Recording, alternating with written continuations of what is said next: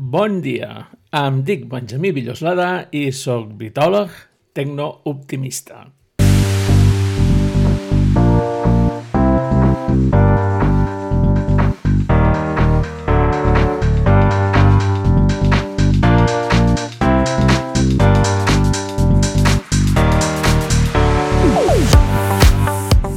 Benvinguts en el setè capítol de la quarta temporada que varen gravar el dia 6 de setembre de 2022 amb en David Poblador i Garcia i que li diré la importància del paladar digital. Aquesta vegada no m'he estorbat tant entre la gravació i la publicació. Anem, anem millorant. Eh, però perquè sempre passen coses després de gravar un capítol de podcast. Bé, en el mes de setembre és més o menys raonable que passin coses perquè tots tornem. És la eh, rentre, ho direm en francès.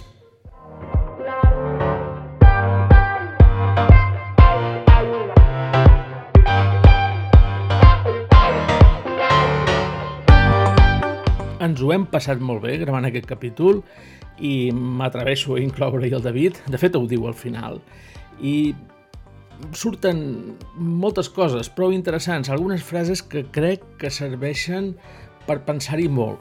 I si fas un podcast que ajudi a pensar, tant a, amb la persona que convides com a tu mateix i a tots vosaltres que ho escolteu, doncs és que, que més pots demanar?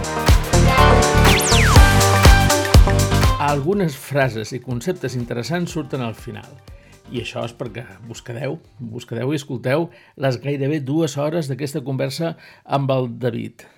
Ah, vos n'avanço alguna, eh, perquè després estigueu interessats en el context amb el qual sorgeix aquesta frase. Per exemple, moltes de les coses que han fet a Spotify han estat accidents. Si no haguéssim estat innocents, si no haguéssim pres alguns riscos que amb el cap més a lloc no hauríem pres, potser no seríem allà on som. Una altra frase. Les decisions tecnològiques no són importants. És més important poder desfer els errors de les males decisions. La tercera. Els proveïdors de cloud no han posat mai cap interès en que els clients tinguin una infraestructura simple. Però bé, abans d'aquestes frases que tenen un to molt mundial, hi ha la nostra visió com a catalanoparlants del territori.cat eh, i que han crescut amb, amb el nostre context de la tecnologia que es feia en els nostres respectius països, eh, a Catalunya, a les Illes Balears, i, i comencem posant context de tot plegat, explicant com s'han fet les coses des dels anys 90 amb l'arribada d'internet, com alguns van quedar reemplaçats per uns altres, i tots aquests actors que tant ell com, com jo han vist més o menys de prop i això fem el que ja sabeu del qual va aquest podcast, que és eh, una conversa, parlar. I una cosa porta l'altra i crec que s'ho paga sentir-lo fins al final perquè podria ser que vos ho passéssiu tan bé com ens ho varen passar amb el David Poblador i Garcia el passat 6 de setembre de 2022. Moltes gràcies per escoltar-nos. M'estic una mica rumiant quins passos seguir eh, més endavant. Tinc algunes, tinc opcions sobre la taula, però bàsicament també vaig també he decidit que és un bon moment per, per prendre'm en calma i meditar, meditar quin és el següent pas, perquè clar, han estat 12 anys eh, en una empresa com Spotify que, que clar, tot molt bé, però ha estat un... mentalment ha estat bastant, bastant dur i exigent i, i necessito una mica, una mica de, de, de, de temps per meditar quin és el següent pas. Però estaré fent el tema de freelance. Molt bé. Eh, mira, això ja està gravant des de fa un parell de minuts. No sé si fa falta fer una introducció formal. Aquest és un podcast molt poc formal. Mm -hmm. ja, ja pactarem a partir de quin moment va entrar en l'àudio de, de, del que ens acabes d'explicar, que bàsicament és un canvi d'etapa. Primer, presenta't eh, tu mateix, David Poblador, uh -huh. que, quin, eh, quina, quin petit currículum pots fer, el, el que t'agradi més, perquè tu has fet moltes coses. Sí, moltes coses. Ho mirava fa un temps i, i, i han estat bastants anys.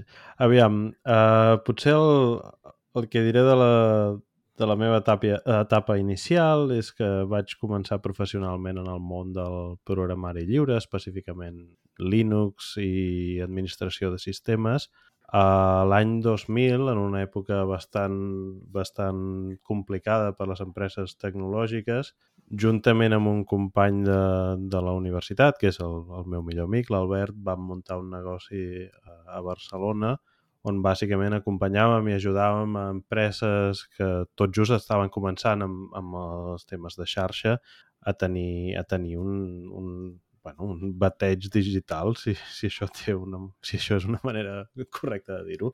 Teníem un producte, bàsicament, que era un, un servidor que nosaltres instal·làvem en la intranet d'aquestes empreses, que, era, que gestionava temes de correu i temes d'aplicacions locals i tot això. A través d'això Uh, doncs, doncs ens sortien moltes feines accessòries connectades amb això per tal de digitalitzar part d'aquestes empreses.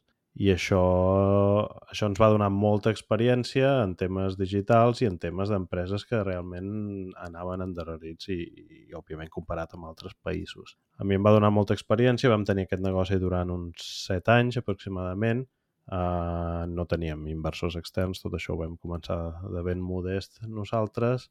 Uh -huh. I... 2000-2007. Del 2000 al 2007 aproximadament, sí.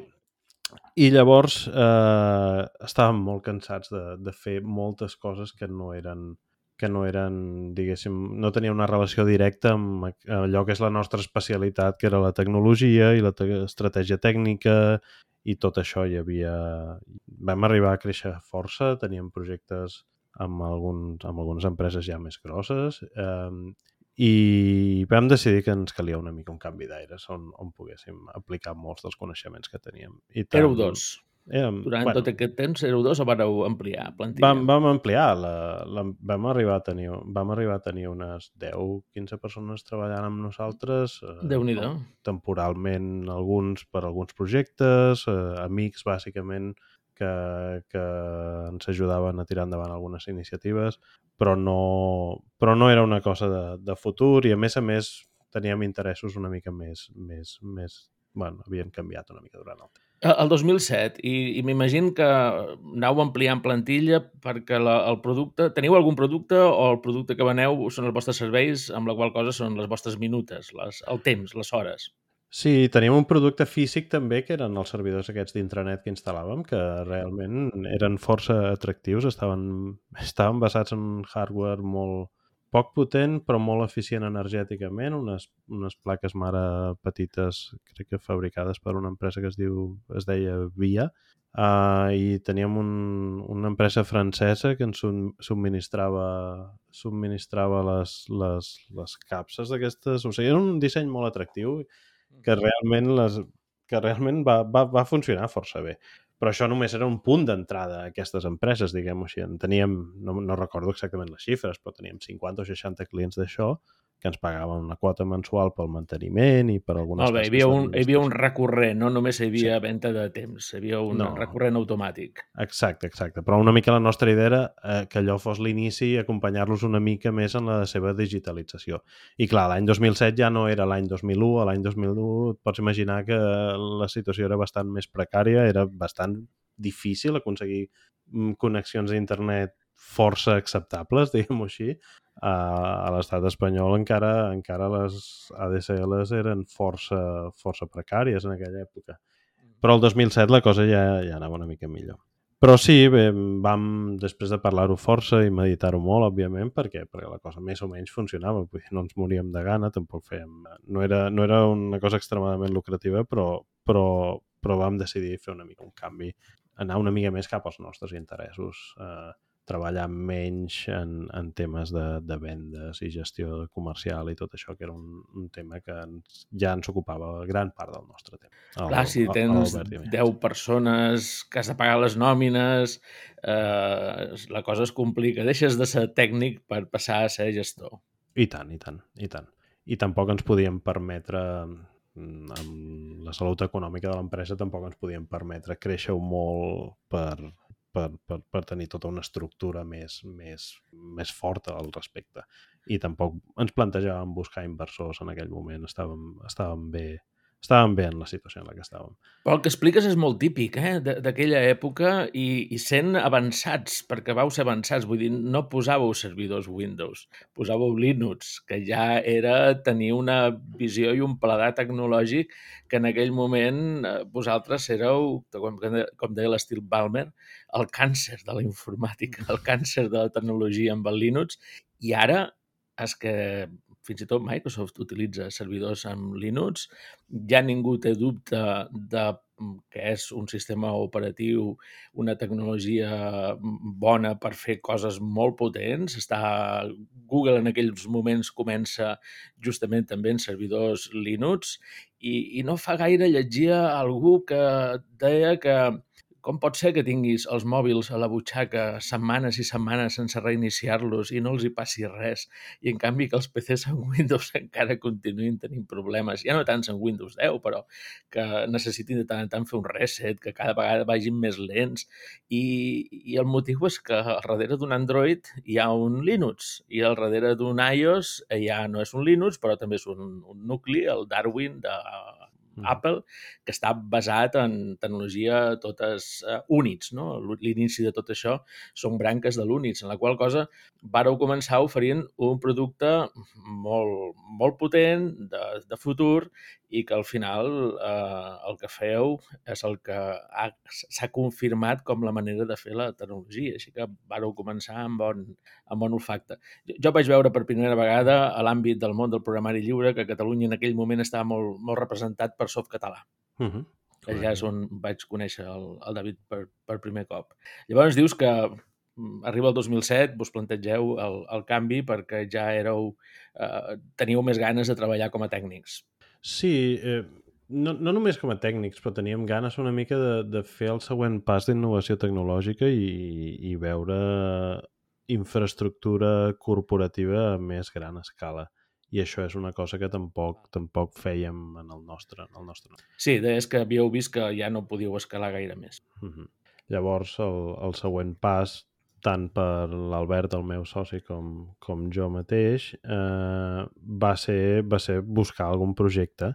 I jo vaig acabar treballant amb, amb, pel grup Intercom eh, en un dels negocis paral·lels a Infojobs, la plataforma de cerca de feina, uh -huh en aquell moment eh, tot, aquell, tot aquell negoci s'estava transformant per tal de muntar una plataforma semblant a la que existia a infojobs.net per l'estat espanyol, doncs muntar el mateix per altres mercats, específicament a Àustria, Polònia, més endavant va ser l'Índia i, i algun altre mercat. I això implicava, bueno, es volia fer això amb un canvi tecnològic també, perquè la, la, la l'estac tecnològic que emprava Infojobs en aquell moment era basat en tecnologies una mica més, no diria antigues, però més difícils de mantenir i es volia aprofitar, es volia aprofitar aquest canvi eh, muntant els, les versions internacionals per, per transformar-ho.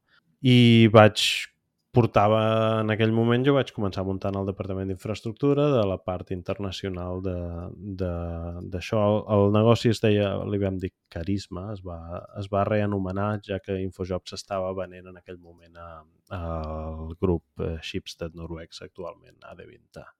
Um, doncs, um, doncs això, i vaig muntar un departament d'infraestructura i allò va ser molt interessant per mi perquè perquè, perquè implicava fer infraestructura per a una empresa ja més grossa que esperava uns volums de tràfic força interessants si els productes tindrien, tinguessin èxit, com així va ser. Eh, allà vaig conèixer vaig retrobar-me amb vells coneguts, alguns de l'esfera de soft català, molt interessant, i de punt barra, que, que podem parlar-ne després potser també. Uh... Va ser tot el grup Intercom una escola tremenda. D'aquí han sortit molts bons professionals, moltes startups, emprenedors. Uh, vas estar en un lloc molt interessant.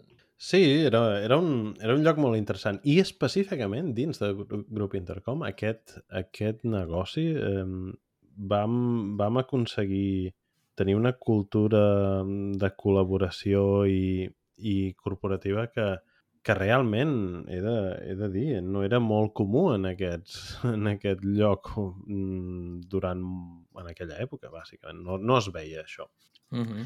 I va ser, va ser força interessant, vam créixer un equip d'infraestructura que bàsicament muntava, ho fèiem tot des, de, des del principi, bàsicament muntàvem els nostres centres de dades, pelàvem els cables dels, dels centres de dades i els, els enrecàvem, enrecàvem els servidors nosaltres.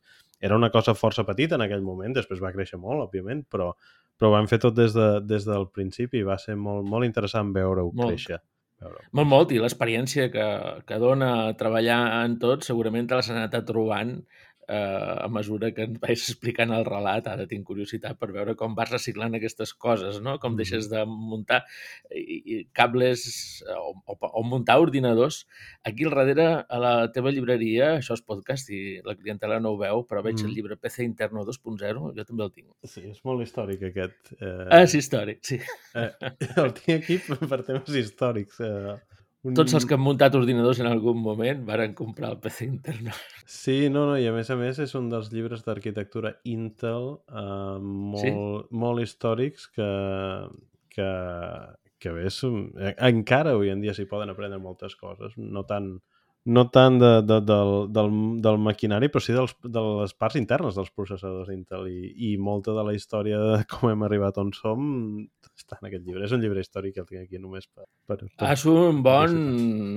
És un bon totxo, eh? Vull Sí, dir, sí, sí, allò... sí, Sí, sí, és tremendo. Sí, fa mal, fa mal. Si cau el peu, fa molt mal. Ah, sí que estàvem en què muntaves fins i tot els servidors de, de Sí, carisma jo, jo, dins el, del grup jo i el meu, sí, exacte, jo i el meu equip, eh? no, no, no, no només jo físicament, però, però va estar bé i, com deia, vam re, vaig retrobar molta gent i vaig conèixer molta gent que van esdevenir grans amics i professionals amb qui he estat en contacte amb qui estic en contacte encara de manera setmanal, eh, gent, gent que em va marcar molt i aquesta experiència laboral va ser, va ser probablement el millor que em podia trobar just després de deixar la meva pròpia empresa on havia estat durant set anys. Clar, òbviament feia por aquesta transició i va ser, va ser molt, molt, una experiència molt enriquidora. Cert? I vist en perspectiva, el grup Intercom ha estat un planter que, que encara dura.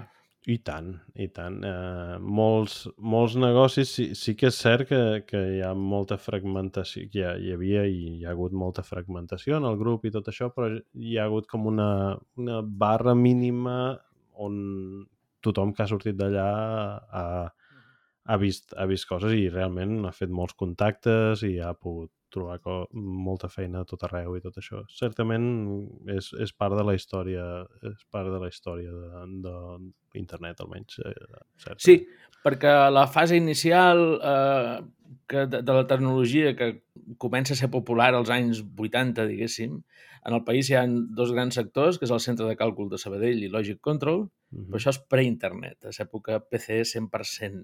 Sí. I quan comença internet, hi ha el grup Intercom, Sí, sí. el que comença a, veu, a, a ser dels primers en veure coses i fa que hi, hi, hi hagi ara tota una generació de, de gent que eh, se li, va, mm, se li va instal·lar dintre la, la idea de producte digital mundial, en xarxa, escalable, en, en, en, en emprendre, amb aconseguir inversors, etc. Tot això eh, sorgeix no de les universitats, sinó de llocs com, com aquest, i tenir-ne una a la història és molt important, en el cas Sí. del Principat. Sí, i tant, i tant. I ara que dius Logic Control m'ha m'ha fet venir moltes, moltes memòries perquè justament quan vam començar l'empresa eh, alguna de la gent amb, que, que ens va animar a fer-ho i amb qui compartíem despatx eren un dels integradors de Logic Control més grans que hi havia a Barcelona eh, i és, és certament part d'una tecnologia pre-internet i que... Sí, perquè comença com a centre de càlcul. De fet, el Correcte. centre de càlcul de Sabadell, que també fa molt de software després per a empreses, Mhm. comencen com a lloc en el qual tu portaves els papers i ells te tornaven papers eh, Sí, sí. processats. Vull dir, els, eh, hi anaves amb els albarans i ells te tornaven les factures impreses i després també te mm, tornarien la comptabilitat impresa. Exacte. I la següent fase és dir, no, no vull que m'ho facis en el centre de càlcul, eh, vull fer casa, no? I llavors el centre de càlcul de Sabadell i Logic Control diuen, bé, doncs el software que tenim, tenim aquí de centre de càlcul, que ja tenim molta experiència, eh, que es pugui instal·lar a la, als PCs que tenen les empreses. Correcte, correcte. Aquests després- PCs es converteixen en xarxa Mm -hmm. I aquí és quan entreu vosaltres el 2000 i, i amb la millor xarxa possible, que és la de Linux, la que aguanta més, perquè la resta de xarxes que n'hi en aquell moment, ja estem fent una mica de cebolleta, eh, les, la, les eh, xarxes del mateix PC, vull dir, la de Windows, era un misteri que funcionés, i mm. també hi havia les de Nobel, Correcte. tenien un cost i un funcionament bastant erràtic també, i tenir PCs en xarxa era força complicat, però en canvi tenir un servidor amb Linux et canviava completament el panorama en Linux o amb Unix. Feia que tot fos molt més estable i molt més professional. Sí, i jo crec que el valor més gran, no només, no només òbviament, de, de ser més innovador tecnològicament i tot això, també és que és que realment va democratitzar l'accés a, a algunes tecnologies que estaven molt, molt tancades o eren molt, molt inaccessibles. Vull dir, també s'ha de ser...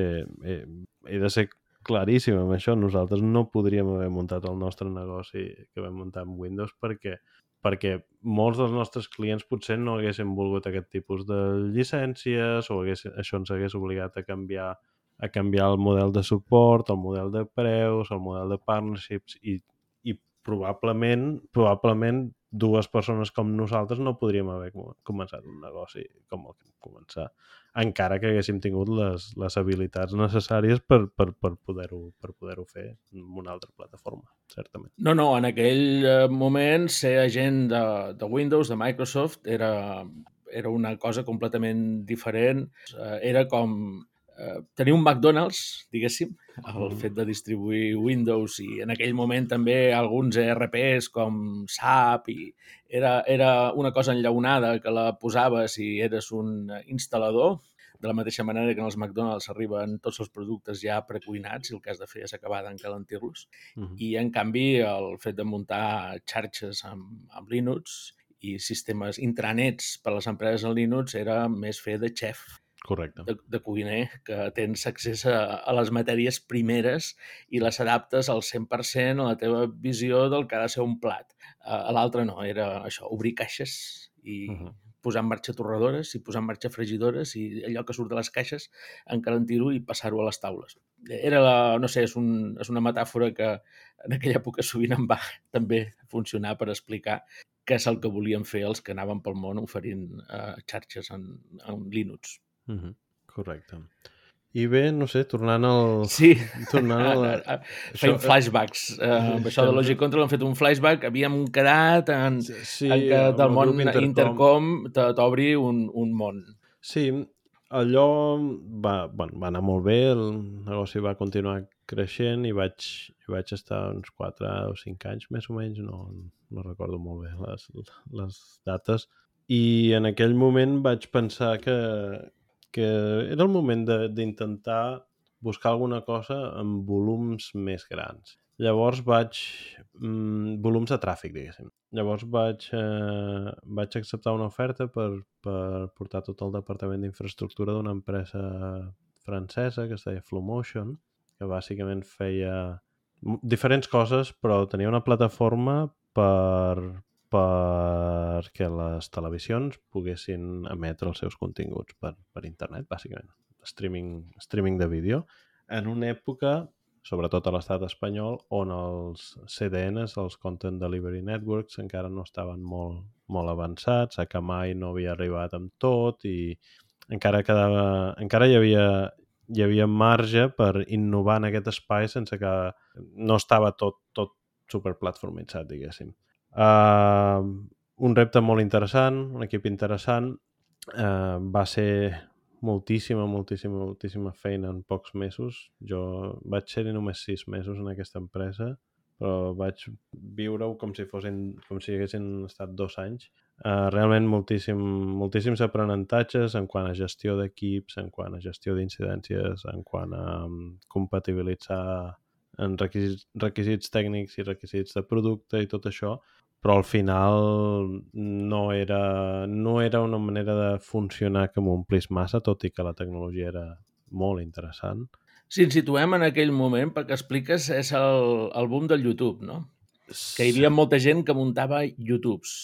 Ha quedat Vimeo, Correcte. Però possiblement de la mitja dotzena que hi havia populars només n'han quedat això, Vimeo i YouTube. Sí, tot i que el nostre producte principal, també també fèiem una cosa semblant a, a YouTube, diguem-ho així, però el nostre producte principal era més aviat el live streaming, o sigui, el, el streaming en directe, diguem-ne. Diguem I això això, clar, això anava amb requisits no només d'infraestructura, sinó de proveïdors de xarxa, de qualitat dels feeds. Recordo que en els nostres centres de dades teníem antenes mmm, parabòliques per, per capturar senyals, o sigui, coses bastant, bastant, bastant interessants. Clar, perquè això, perquè se faci càrrec la gent que ens escolta.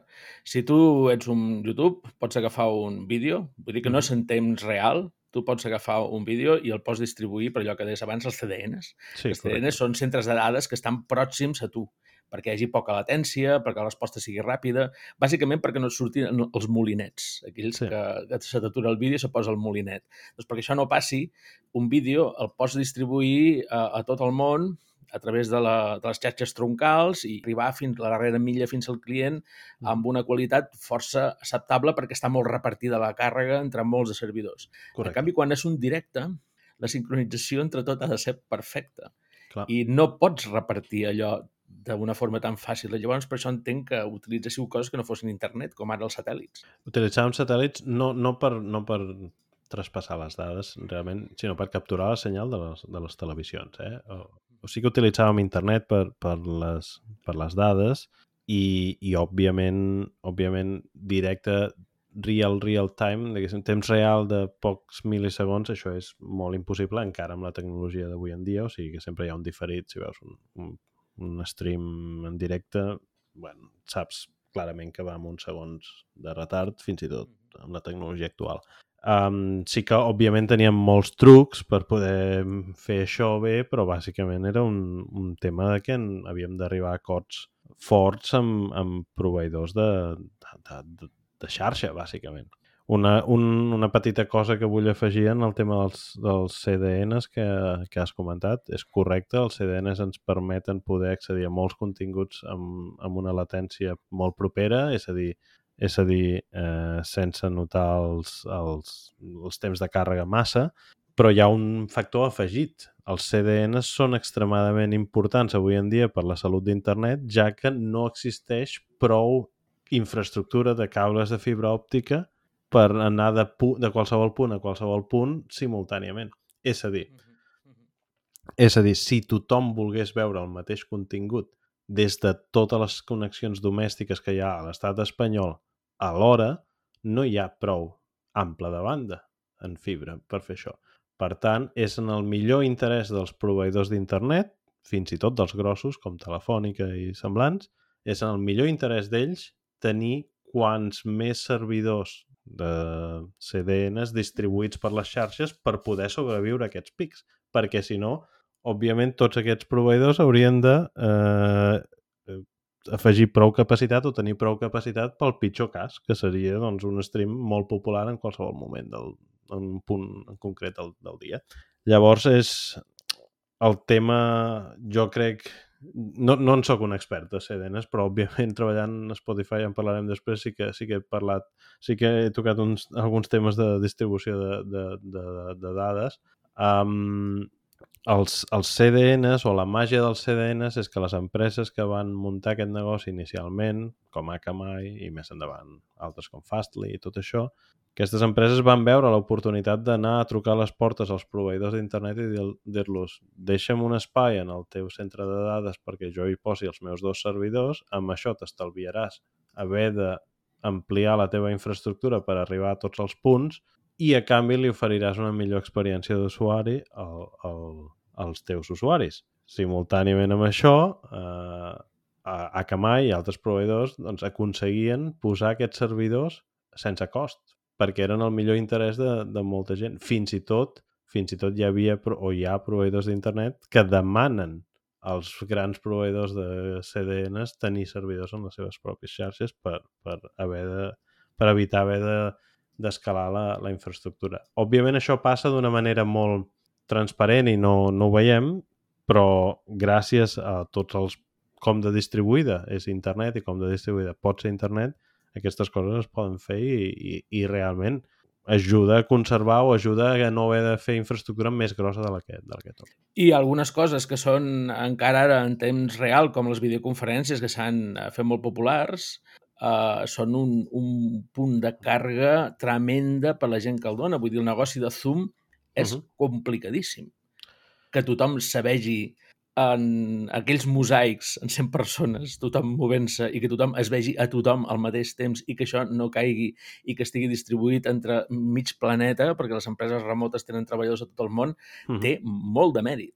Té molt de mèrit i aquí, ja, aquí anem com a una capa per sota del, de la capa de, de, dels CDNs que comentàvem. Els CDNs treballen, diguem-ne, amb, objectes o amb, amb arxius, eh, com si jo tingués un vídeo al meu disc o un, una cançó al meu disc.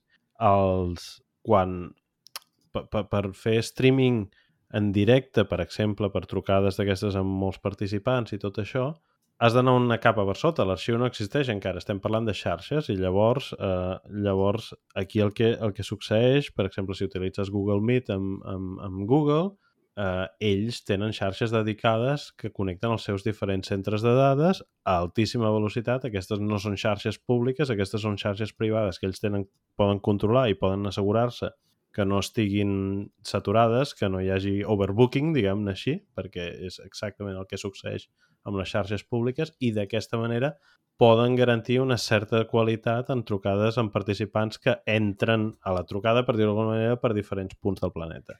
Sí, sí, per exemple, uh, Red Elèctrica Espanyola. Cada vegada que tira cables submarins uh, o bé fa una, una xarxa d'alta tensió, el cable que hi ha dalt de tot és de fibra, dels postes d'alta tensió, i allà hi ha pèls de fibra òptica. I aquests pèls de fibra òptica, la red elèctrica els, els lloga eh, sense il·luminar, foscos.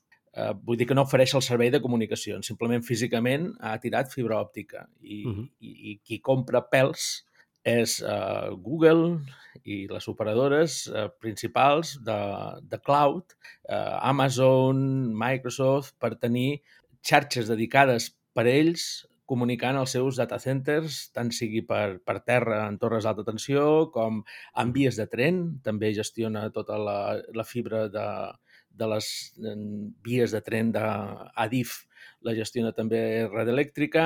Uh -huh. Els cables submarins coneixen les illes, també tenen pèls de fibra òptica i també els agafa... El, el, no és que Google tiri el cable, sinó que lloga pèls a, a cables tirats a molts de llocs uh -huh. i només són per ells. I en sí. canvi després hi ha altres pèls d'aquestes mateixes fibres que serveixen per a la internet pública. Correcte. I, i una, una cosa que també fa Google i fa Microsoft i altres és tirar eh, cables eh, de fibra submarina que són propis d'ells sí.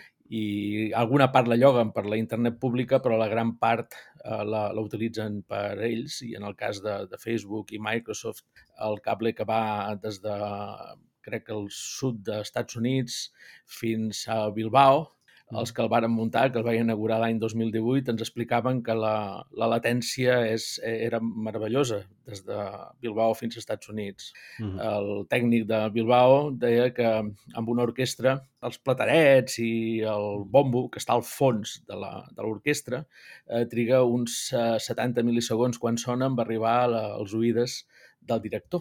Uh -huh. Però, en canvi, aquest mateix eh, bombo passat per la fibra òptica des dels Estats Units fins a Bilbao arribava en 30. O sigui que arribava més ràpid el so del bombo amb un director si estigués eh, escoltant a Bilbao un bombo de Louisiana que no pas eh, a la sala de, de l'orquestra. I això és bastant tremendo perquè és la velocitat de la llum versus la velocitat del, de l'aire, del desplaçament per l'aire. Així que aquestes eh, infraestructures són absolutament estratègiques avui i des de Barcelona això faig un incís, ho esteu fent prou bé, tenint punts neutres que les uneixen, uneixen les diferents xarxes per evitar, per evitar que doni voltes la, la informació i, a més a més, eh, vos connecteu per mar, que la fibra òptica submarina és més ràpida perquè sota el mar no hi ha routers.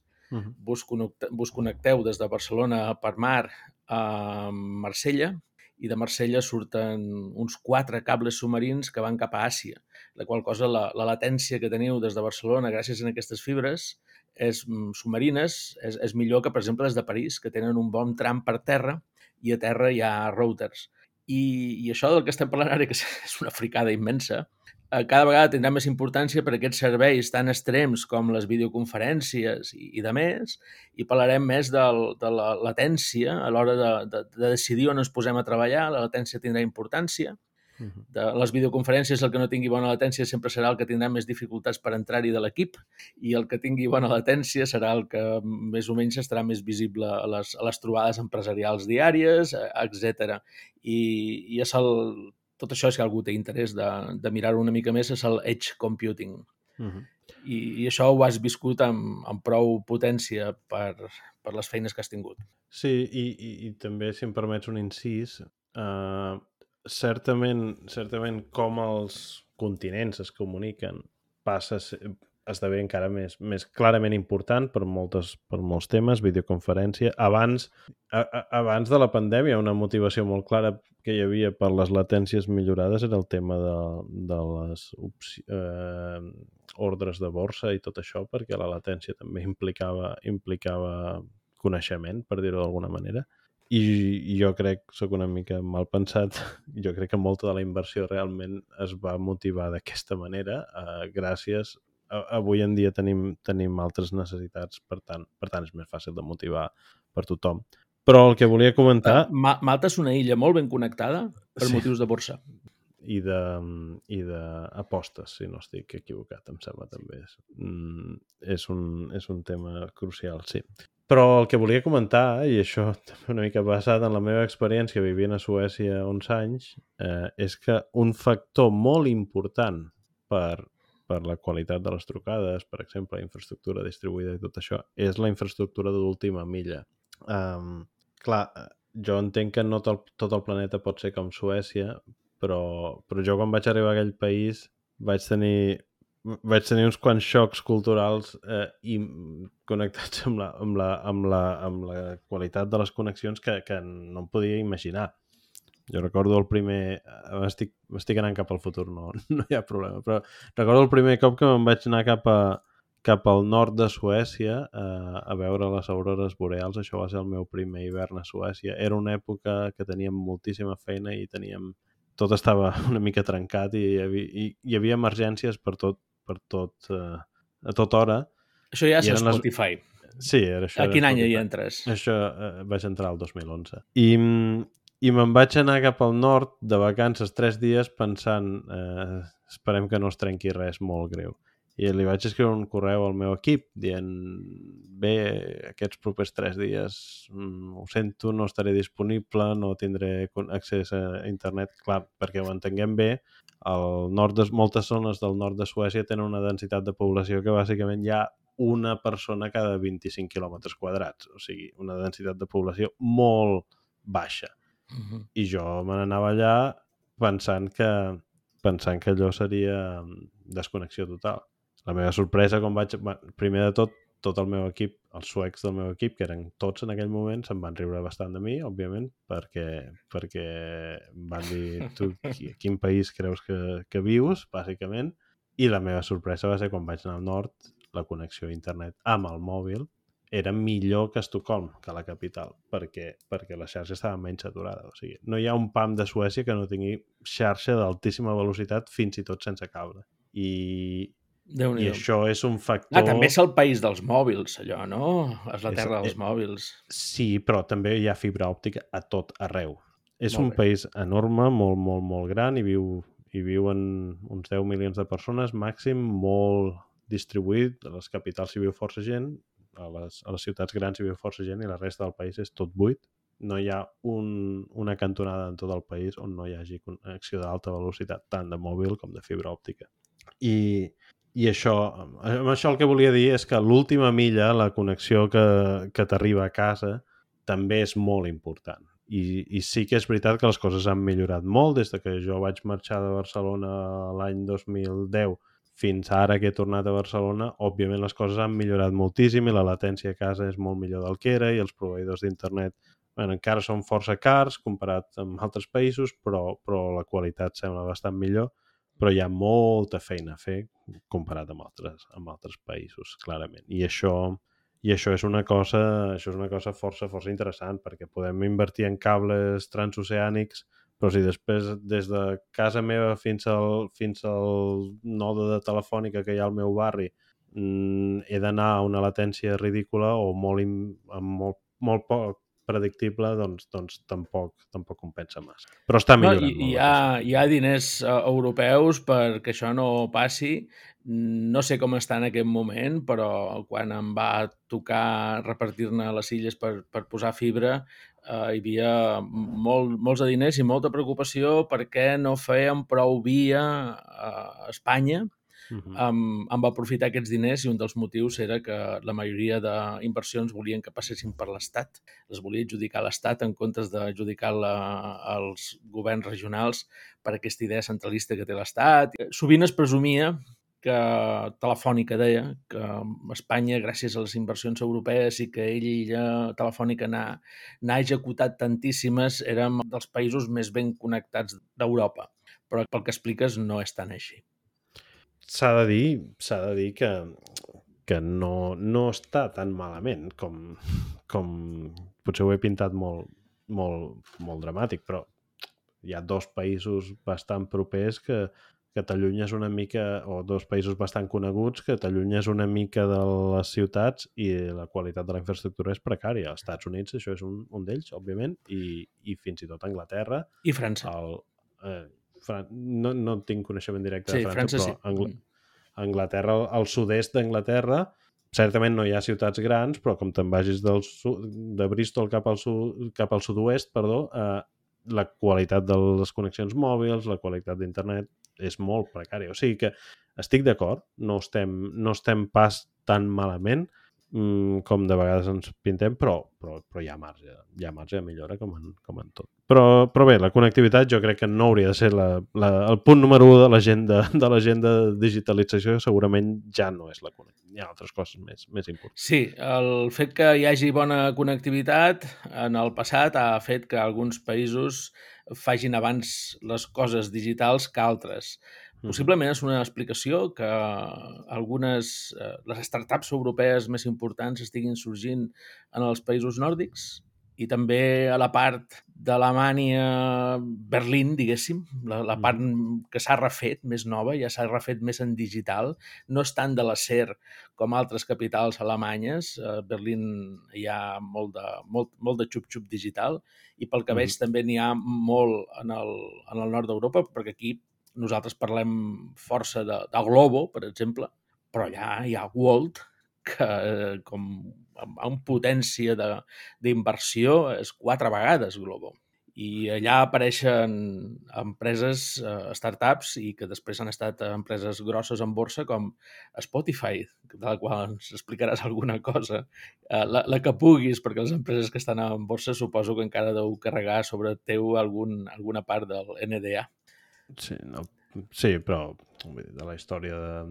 No, no sé, podem parlar una mica del, del, del tema de, les empreses, mm, de la innovació.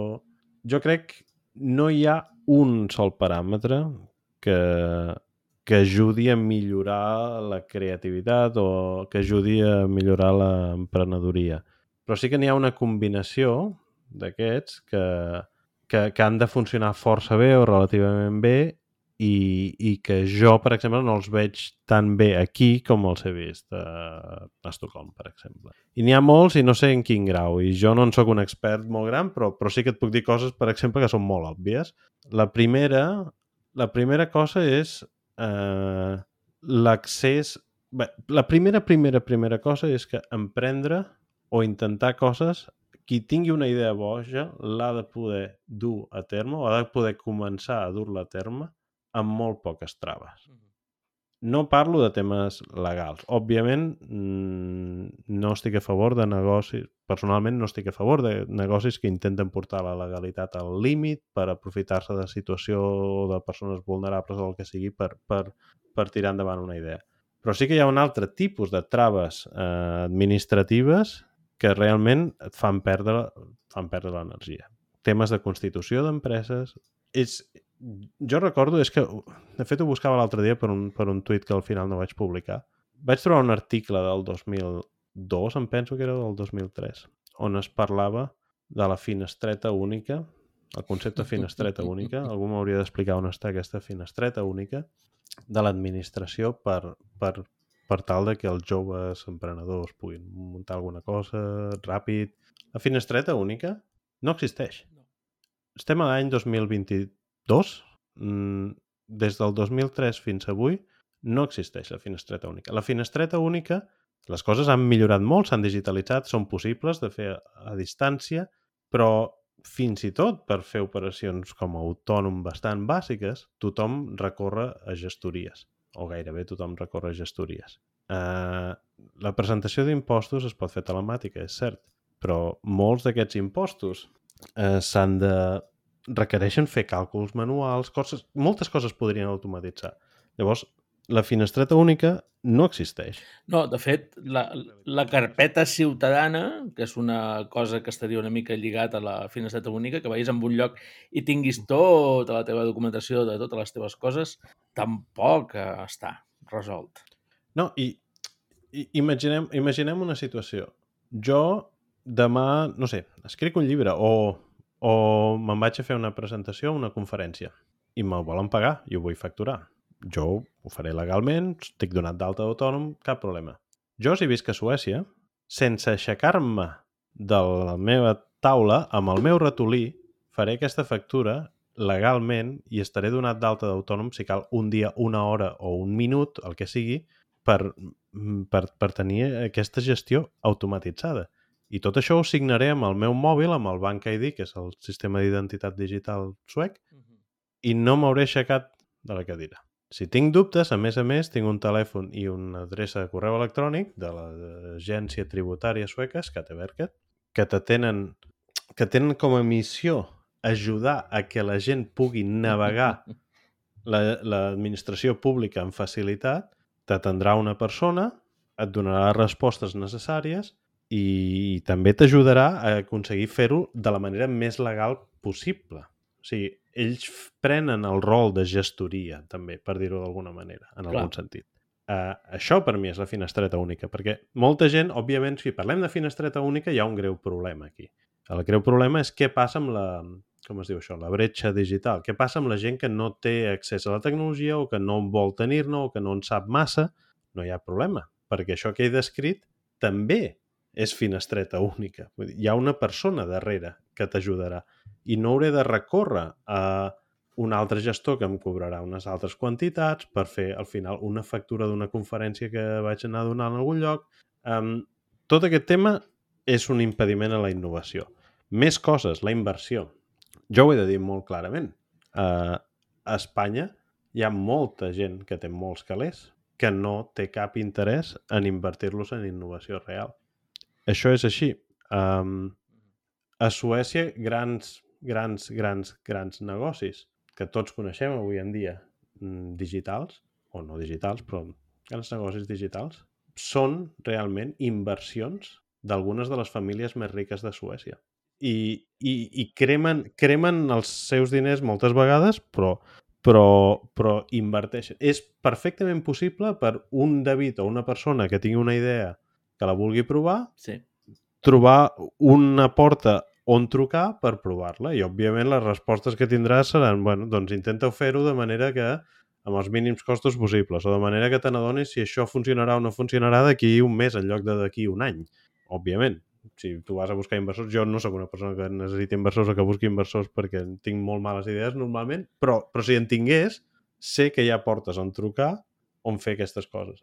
Aquí, a Barcelona, potser amb contactes, potser amb gent coneguda, potser coses d'aquest tipus, podries trobar algú, però ningú arriscaria res per la teva idea. No, de fet, eh, això passa a Barcelona una mica per, per, pel món que tu has vist, eh, d'Intercom varen sortir prou projectes que els han venut amb el temps i sí. com a emprenedor doncs, tens diners i com has après aquesta forma de funcionar, ara inverteixen en, en altres emprenedors. Llavors, eh, te trobes que els que ho han estat abans sí. després ajuden amb els que ho proven després, es converteixen en business angels, poder no en venture capital, que és uh -huh. ja de famílies o, o d'empreses amb molts més diners, sinó per arrencar perquè encara no tenim prou múscul per després fer aquestes inversions, com per exemple que sents que la barcelonina Typeform aixeca 110 milions, doncs això no trobaràs a Ets Intercom que posin 110 milions, però poder sí que Typeform podia haver començat amb, amb 200, 300.000 euros d'un grupet de business angels que a, ells ja tenen aquests diners perquè abans han fet alguna, alguna startup prèvia. Però amb, amb nosaltres és molt recent i en el món clàssic eh, no, no acaba, l'empresari clàssic encara està esperant que pugin els tipus d'interès i que torni a ser més rendible el totxo per anar cap allà de nou. Sí, sí.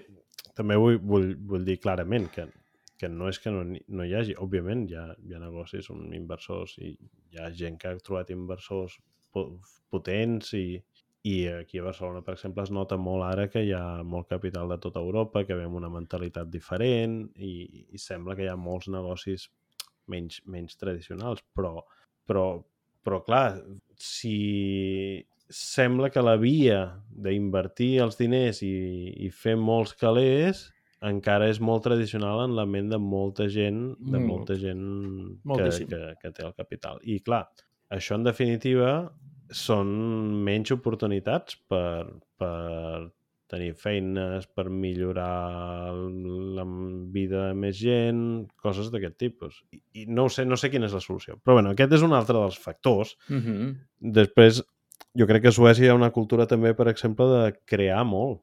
Hi ha, hi ha una cosa, comentava un, un conegut fa uns dies, uh, una cosa que és extremadament important a Suècia és el temps. El temps què vull dir amb això? La gent, el valor, el que és més important de la seva vida no són els calés. Molt poca gent a Suècia estalvia diners. Hi ha una xarxa social molt, molt bona i hi ha molt poca gent que estalvia diners. Els, el, seu, el que valora més la gent és tenir el temps lliure, tenir el temps amb la seva família, tenir el temps de les seves vacances, tot això. I això té moltes implicacions moltes implicacions en la, en la cultura laboral, que d'això en podem parlar després, de com treballa la gent i tot això, però també com funciona la societat. Una de les coses que als suecs no els agrada és repetir una feina que és inútil més d'una vegada. Jo, jo t'ho dic de primera mà perquè visc a casa amb dues sueques, amb la meva filla i amb la meva el, companya. El Don't Repeat Yourself, famós, el D-R-Y, que dèiem els informàtics, Don't Repeat Yourself. Si una cosa la pots automatitzar, automatitza-la. Sí, sí, i clar, per la meva companya, quan vam arribar aquí, navegar tots els tràmits burocràtics per aconseguir el NIE i totes aquestes històries que no, no vull ni entrar perquè, a més a més, això va ser en època de postpandèmia amb un, amb, un, amb molta, molt, molts problemes, diguem-ne així. Clar, eh, quan, no, és que hem arribat a enviar faxos. La meva companya no sap el que és un fax.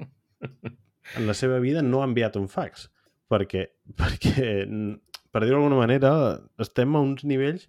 Hem fet no sé quantes fotocòpies de passaports, hem fet no sé quantes... Eh...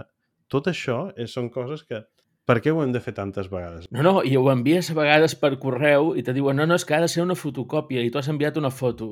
Llavors eh, ja, ja tinc un parell de filtres que els passes, ho passes a blanc i negre i li poses una mica de gra perquè no es vegi tan bé i llavors passa per fotocòpia.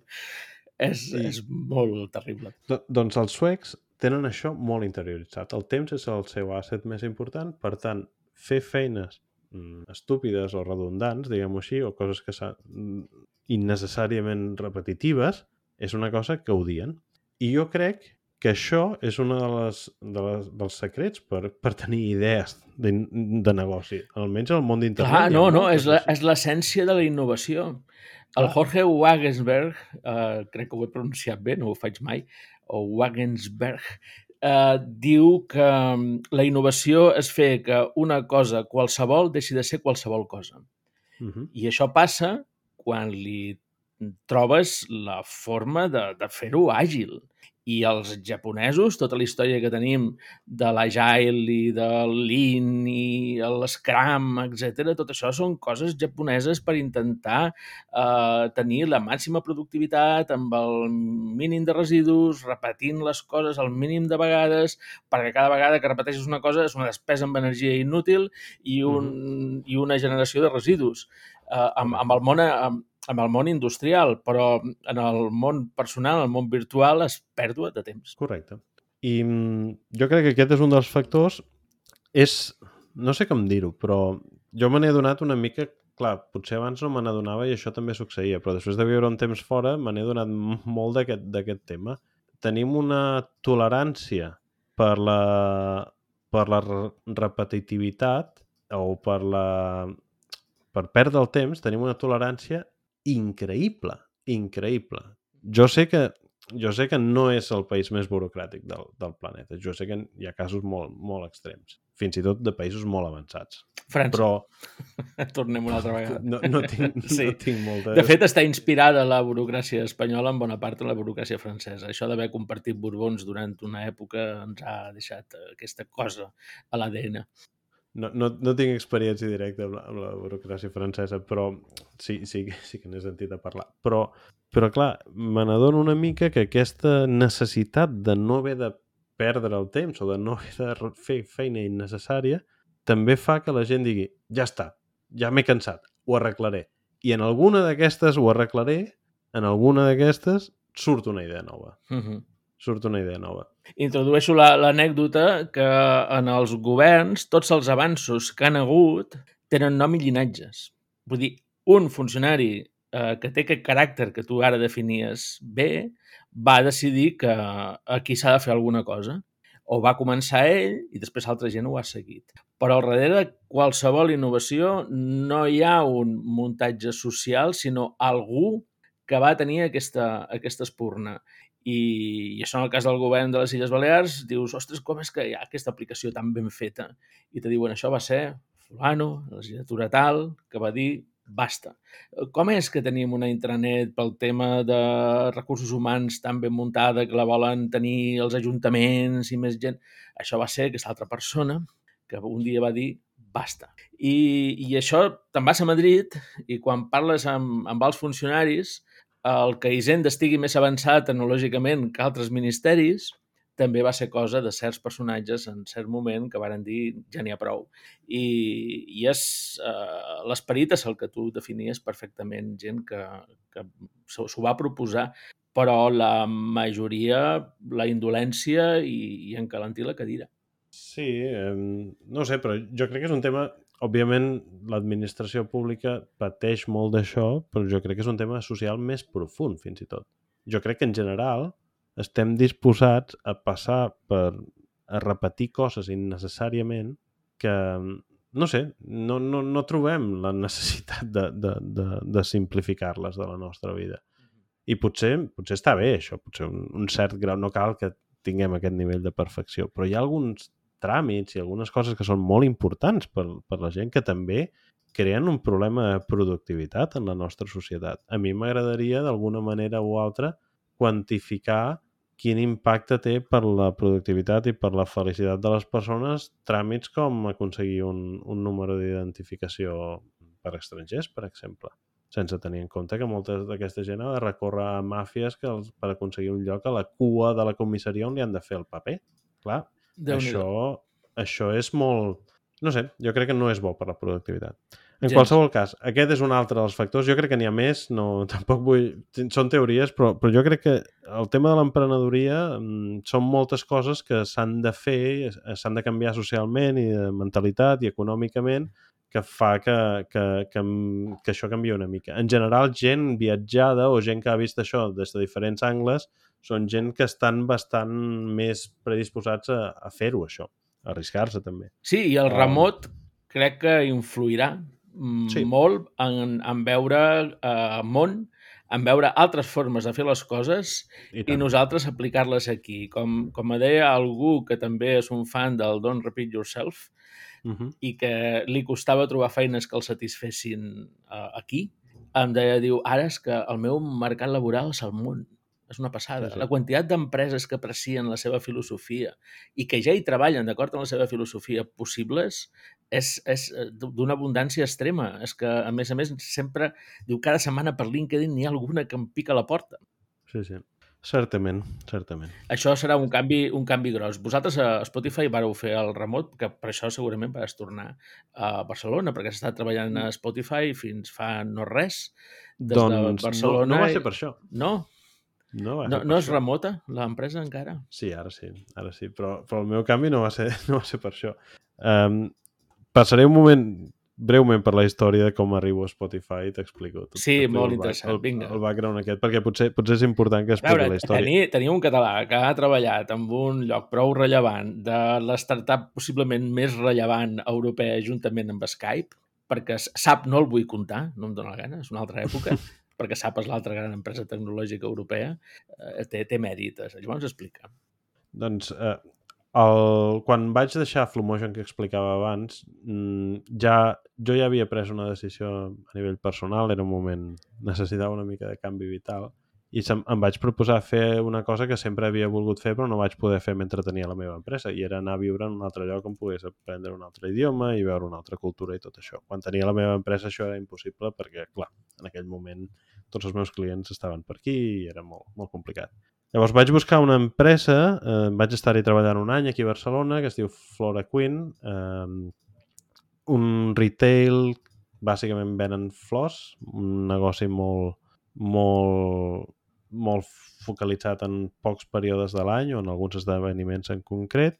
Allà vaig portar tot el departament tècnic, vam, vaig portar tot el depar- departament tècnic i part de producte i vaig fer créixer aquell equip per realment un negoci que funcionava molt bé, amb molt poca gent, tenia unes, unes, unes quantitats de revenue bastant interessants i, i allà vaig fer de CTO i em va, em va agradar força i vaig, vaig, vaig aprendre moltes coses, però volia, volia un canvi.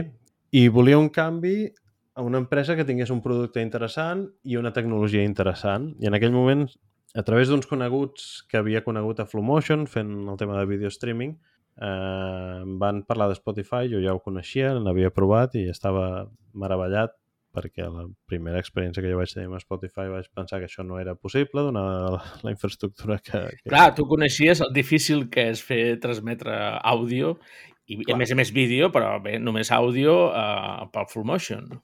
I, Sí, sí, sí, sí, I això, ten- i això, i això te fa admirar molt perquè és que la cosa de Spotify, la primera, és efecte uau, el recordo. sí, Com pot ser que se senti tan bé perquè nosaltres això mateix ho estem baixant amb l'Emule i ens hem d'esperar 10 minuts perquè a vegades aconseguir una cançó i aquí fas play i ja sona. Jo recordo molt bé el dia que vaig provar una, una beta Spotify, encara no oficialment no funcionava a l'estat espanyol.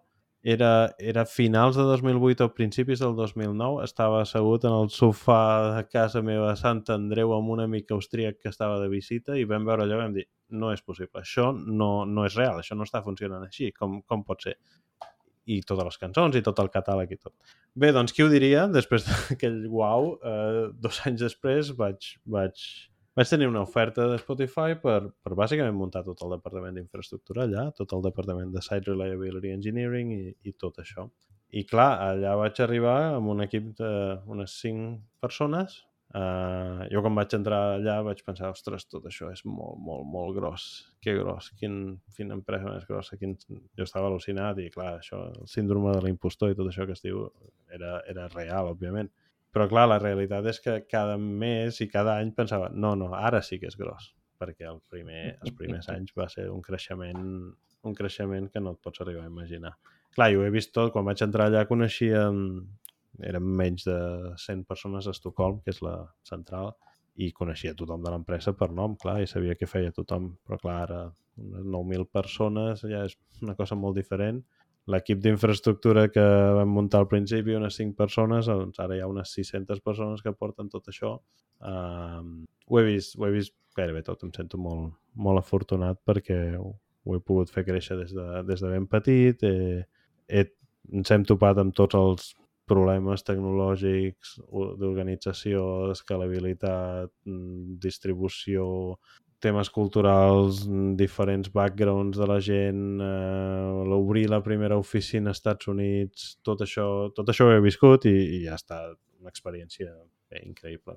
Com a més, la capacitat de, de posar-vos al dia, perquè arriba la intel·ligència artificial i patapam, també la poseu. Sí, aquesta va ser una, la segona o la tercera gran transformació. Jo crec que la primera, que va ser una mica accidental, va ser la dels mòbils. Vam apostar molt fort una mica perquè, perquè hi havia una o dues persones que ja ho havien provat abans, vam apostar molt fort per fer una aplicació mòbil i això ens va... Ens, vam arribar a temps, bàsicament, perquè perquè va arribar un punt que qui, les aplicacions que estaven molt orientades a només un escriptori doncs tenien una audiència nínxol i podien acabar morint fàcilment. Ningú, ningú s'imaginava que el tema dels smartphones aniria tan ràpid. Sobretot des del llançament d'iPhone tot, no, va no. ser, tot va ser molt, molt ràpid. I això va ser una mica accidental. Vam invertir-hi fort, però perquè hi havia unes quantes persones que hi creien molt si no haguéssim fet aquell pas, jo que sé, no, no, no sé com hagués, com hagués evolucionat tot, perquè, perquè certament el cas d'ús d'escoltar Spotify, no sé, al metro, a l'autobús o, o el tramvia o el que sigui, és real, és molt, molt, molt important per molta gent en el planeta. I, i això, la manera com s'utilitzava Spotify el 2011 era molt diferent. Era bàsicament l'aplicació de l'escriptori o hi havia un web player. Sí, estaves en els chats, en els fòrums, i la gent compartia coses que sentia per Spotify. Me'n record que va ser les primeres, les primeres interaccions que vaig, vaig tenir amb el tema, que és que algú deia, heu provat això, que podeu escoltar qualsevol cançó? I, mm -hmm. i això eren els chats tipus IRC hispano.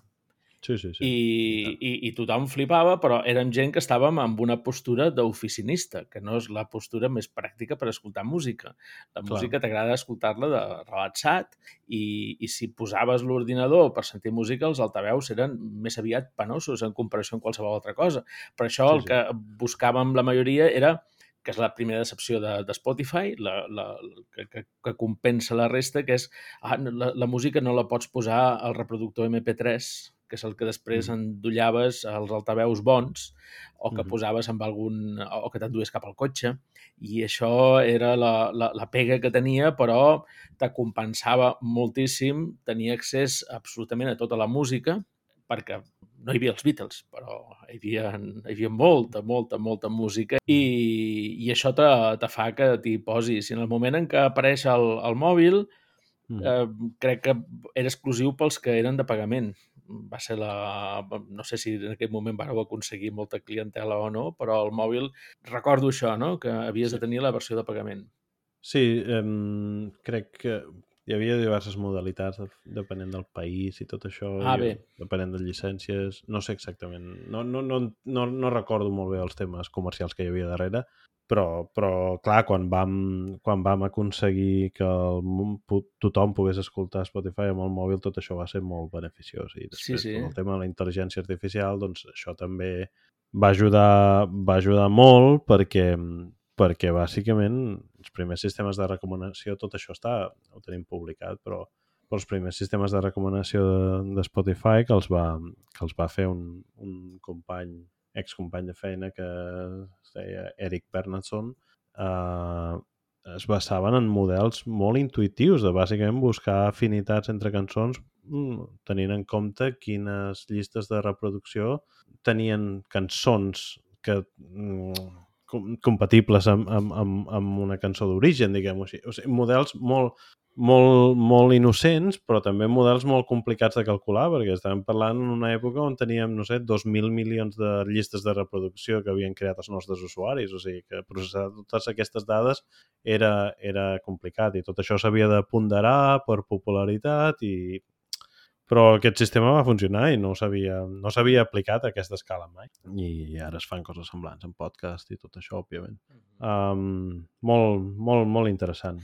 Sí, de fet, moltes vegades eh, us he utilitzat d'exemple per, pel que podria ser la, la compra en els supermercats, que el fet de fer les compres en els supermercats i, i anar a les planes web i tota aquesta part és bastant eh, avorrida, diguéssim, i bastant afarragosa encara. Si el supermercat guardés tot el que nosaltres anem comprant a través de la targeta de fidelització i, i de més, amb intel·ligència artificial te podrien fer la cistella. de la mateixa manera que, i hi ha una manera fàcil d'explicar-ho a la gent, és de la mateixa manera que Spotify li deixes anar les recomanacions i t'agrada el 90%. Si el teu supermercat te fa una cistella que el 90% t'agrada i t'hi abones, mm, que t'arriba cada divendres, és que te, te n'oblidaries possiblement d'haver d'anar a, la, a la web i article per article i falta tal, falta qual. Ja pel teu ritme de despesa que has tingut durant un temps se podrien fer prediccions aquesta setmana posem-li sabó de la roba i ja tenir-ho automàticament i de tant en tant, doncs, si t'agraden els formatges, que hi hagi una novetat de, de formatge a, a, la, a la teva cistella que estigui d'acord més o menys amb els formatges que has menjat fins ara, que no sigui una cosa molt, molt estrafalària. I, i això, la, el tema de les llistes de reproducció automàtiques de, de Spotify i que tanta gent coincideixi en que t'encertaven tantes cançons, és una metàfora de moltes automatitzacions que possiblement podrien tenir en el futur en, en tantíssims temes. Sí, eh, estic, estic d'acord. Moltes d'aquestes s'estan aplicant en alguns...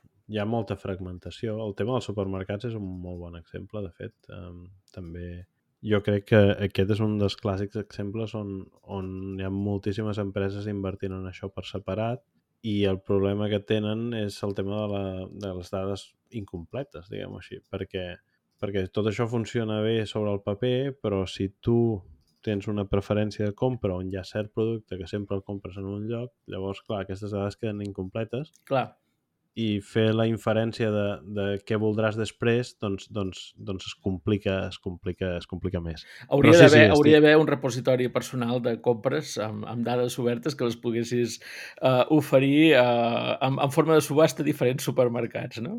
Uh, exacte, aquest seria, aquest seria el, el tema més avançat. Imagina't, imagina't un, un producte, un producte de dir, jo tinc aquestes meves preferències de compra més o menys i m'agrada innovar amb els tipus de formatges que compro i llavors aquests productes t'arribaran del supermercat que el vulgui acceptar tots aquests requisits. No? És un, un tema interessant. No, no, i, i la potència que hi ha al darrere d'això és tremenda. Vull dir, per exemple, pots demanar amb una bodega certs tipus de vi perquè jo te'n col·loco 30.000 i, i, sí. i canvies el món del màrqueting.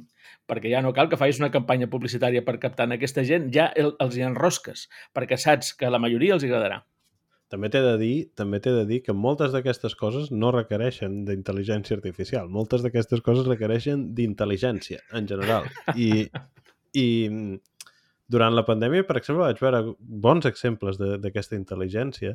Hi havia els productors de vi del Priorat, que tenen produ produeixen poca quantitat, no venien res, perquè gairebé tot el que venien no venien quan la gent passava per allà amb el cotxe i van, van posar-se d'acord durant un temps i bàsicament tenien com aquestes caixes sorpresa que tu deies vull negre, vull blanc, vull una barreja i t'arribava un mix i això tenia molts clients satisfets. Ara ho han deixat de fer perquè ara ja poden vendre directe una altra vegada i suposo que deu tenir més marge i tot això.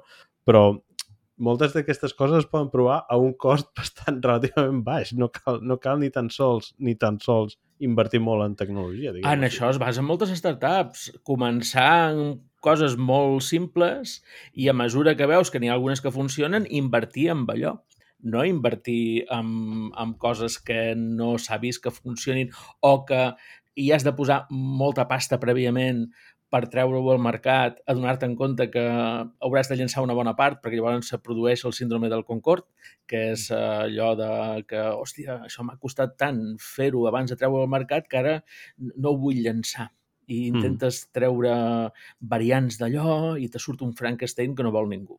I així hi ha moltes startups que fracassen. Però si en canvi comences amb una cosa molt simple, que t'ha costat molt poc, no funciona, la llences, ho provo amb una altra variant, no funciona, la llences, a la quarta o la cinquena ho trobes sense haver-te gastat molts de diners, mm. eh, llavors te poses a treballar amb allò i t'hi poses a treballar seriosament, però és que aquesta gent que feia això que explicaves ara dels vins ho feien a través de WhatsApp.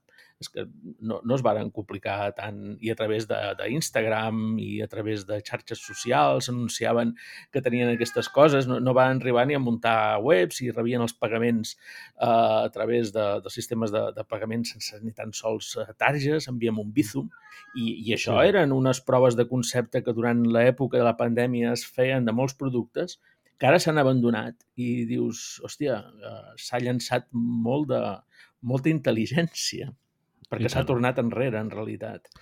En alguna cosa sí. Sí, sí, estic d'acord. Estàvem en que vosaltres, Spotify, va representar un vot important el fet de sortir uh, amb mòbil i deies que hi vàreu apostar molt fort i que això va ser possiblement una, una casualitat, però és que en realitat el que vàreu fer vosaltres s'assembla molt al que va pensar a l'Steve Jobs a l'hora de treure el mòbil. La música era el motor del, de l'iPhone.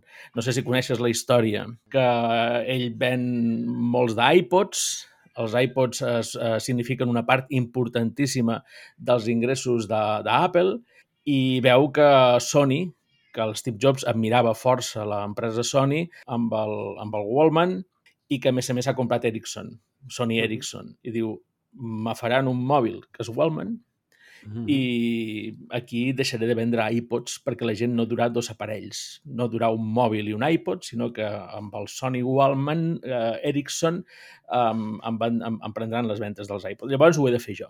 Jo, jo he de fer un, un iPod que tingui telèfon. I d'aquí sí. surt l'iPhone. I el motor de tot plegat és el Wallman. És una mica un cas semblant després amb el que succeeix amb les càmeres de, de mòbils, que realment les, té poc sentit haver d'una càmera compacta avui en dia perquè, perquè el mòbil també ho va integrar, òbviament. Sí, sí, i, i no hi ha cap fabricant de càmeres, vull dir, no tenim mòbils Canon, ni tenim mòbils Nikon, ni tenim mòbils Olympus. No, no han sabut reaccionar i els, els veuràs que tots a poc a poc aniran Però és que aquesta, tenden aquesta tendència, sí, aplicada a la música, òbviament, un, un inici, però s'aplica a les càmeres, portat a l'extrem s'aplica a les targetes de crèdit, per exemple, s'aplica als cotxes o en el dia que els cotxes deixin de ser una cosa que la gent posseix i és una cosa que podem utilitzar més sota demanda i tot això, clar, bàsicament el mòbil o aquest dispositiu que ja no, no sé ni per què se li ha de dir telèfon mòbil perquè el, el que menys fem és, és telefonar